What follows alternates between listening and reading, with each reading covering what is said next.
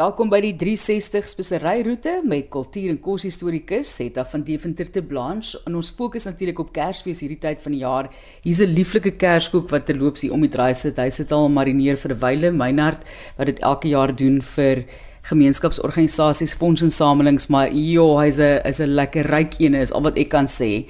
So Ek dink kerskoeke oor die jare is baie verskillend selfs in Suid-Afrika, maar het jy gaan ons nou vat hierdie wêreld se kerskoeke wat natuurlik baie verskil van die een wat ons nou mee bekend is. Ja, ons is gewoond aan die kerskoek met die eh, donker vrugte, klam donker vrugte.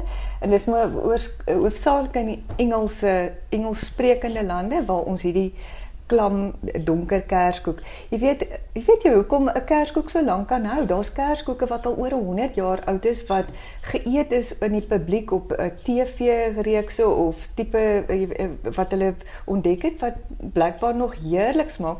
En dis natuurlik twee dinge, daar baie suiker in en dan Meinhard se koek is ook maar lekker klam gemaak met 'n bietjie brandewyn. En dit is dat dan daai ehm um, brandewyn of watter alkohol spirits jy ook al gebruik wat hom dan verder preserveer.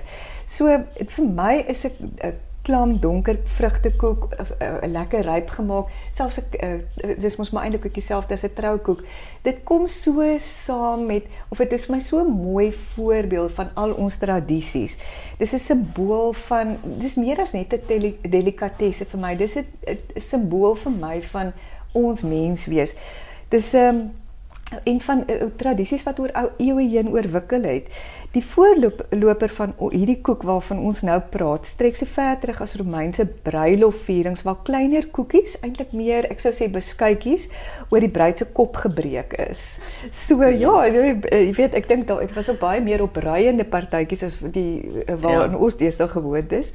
So ryk vrugte koek uh, vorm uh, maar soos ek sê, meestal deel van die Engelse tradisies. Ja. Ek moet sê ek ek wil so 'n bietjie deurtrek na Suid-Afrika toe want ons het sulke fantastiese gedroogde vrugte in Suid-Afrika. Ek meen ons ons klimaat is eintlik perfek daarvoor. Ek onthou jare terug het ons nog van my pa en my ma se troukoek geëet. Dit het hulle ons hulle het die hele ding gebruik nie en laterand het ons daarvan gehap. Dit en dit was nog lekker geweest. Ek meen ek was ek is die jongste so daai koek was ook al 'n goeie ouderdom gewees en jy kon nog daarvan eet. Ja, dis daar's wonderlike navorsing gedoen. Ehm um, daar's 'n spesifieke werk 'n navorsingsstuk gedoen oor oor die die simboliek van 'n troukoek. En baie mense verstaan nie meer die simboliek nie, maar hulle assosieer dit so dat daar moet 'n troukoek wees. En dit is jy weet met met 'n troue dat op die einde het ons almal dit van daai simbole is vir ons belangrik. Maar dit was ook die, eh, die gebruik om om hierdie troukoek te bære, die boonste deel te bære vir die doop. So jy die boonste as jy nou meer laag gehad het so. Maar in jy weet in in alle ander lande het hulle na ligter style koeke beweeg. Ek dink aan die panettone, wat die Italiaanse koepelvormige koek. Ehm um, dis 'n deegspons wat 3 keer rys en dan afgeknie word. Baie soos wat 'n suurdeegbrood ook ehm um, gedoen word. So hy daai kenmerkende suiderige smaak en hy bevat ook rosyne, versuikerde vrugte en soms selfs sjokolade. Bietjie minder speserye ehm um, as as wat ons nou aangewoond is.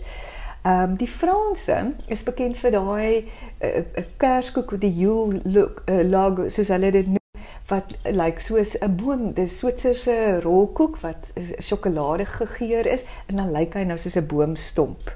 Ehm um, ook wat baie simboliek in het, in Portugal vertel 'n vriendin vir my ehm um, dat hulle bak uh die letterlik vertaal noem hulle dit 'n koningskoek of 'n bollorei. Dis 'n ronde koek met 'n gat in die middel En dan dit is natuurlik dit, dit herinner nou aan die koning se kroon as mense dit sien ook aan lyk like dit so en boop is baie versuikerde vrugte en neute wat natuurlik nou aan juwele herinner.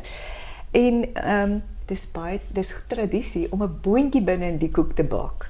En dan die persoon wat die snytjie met die boontjie uh, uh, vind is nie die gelukkige een nie. Ek weet daar's baie keer jy as jy nou die penny in die in die ja, hy is ja. die een wat volgende jaar vir die koek betaal. O, goed.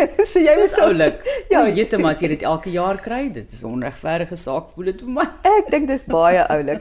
Ag en dan ken ons nou almal die Duitse stollen. Jy weet dis ook 'n baie dit baie uit meer 'n kardemom geur. Folineet ehm um, en versuikerde sitrusskal. Switserland eh, bak hulle ook 'n weergawe van 'n stollen. Hulle noem dit 'n Birnenbrot wat nou net meer gedroogde pere het. Maar weet jy, In 'n land soos Japan wat nou nie met nie noodwendig met Christelike tradisies sou ehm um, assosieer nie, is daar ook word daar ook baie Kersvieringe gedoen. En as jy daar in Japan loop in Kersfees, dan sien jy oral hierdie groot sponskoeke met ehm um, die mooiste arbeye op versier. En dit is deel van hulle ehm um, Kersfees tradisie. Dis 'n sponskoek wat met vanille gegeur word. En hulle neem oral hartlik deel aan hierdie Kersversiering. Dit is baie interessant een van die koeke wat jy na verwys het. Jy sê dis 'n giskoek. Mm. En ek het nog nooit gehoor van 'n koek wat met gis gemaak word. Dis ons nou altyd bakpoeier. Jy weet nou dink jy aan wat het hulle oor die jare gebruik en wat het hulle honderde en honderde jare terug gebruik. Ek gis is 'n natuurlike element wat voorkom bakpoeier, wonder ek nou oor. So dis interessant dat hulle hom gemaak het met gis. Martelies, ek gaan vir jou volgende keer 'n googloof bring. O, rambaba. O, genade, jy gaan nooit terugkyk nie. Ek is nou ek maak nou 'n belofte hier. In 2024 gaan ek vir jou die heerlikste giskoek bring en dan gaan ons lekker daaroor gesels. Okay, ek het dit nog nooit geëet nie. Dis so interessant. Hetta van Deventer te Blanche, ons kos en kultuurhistorikus op ons Kers speseryroete hier op 360. Baie dankie Etta.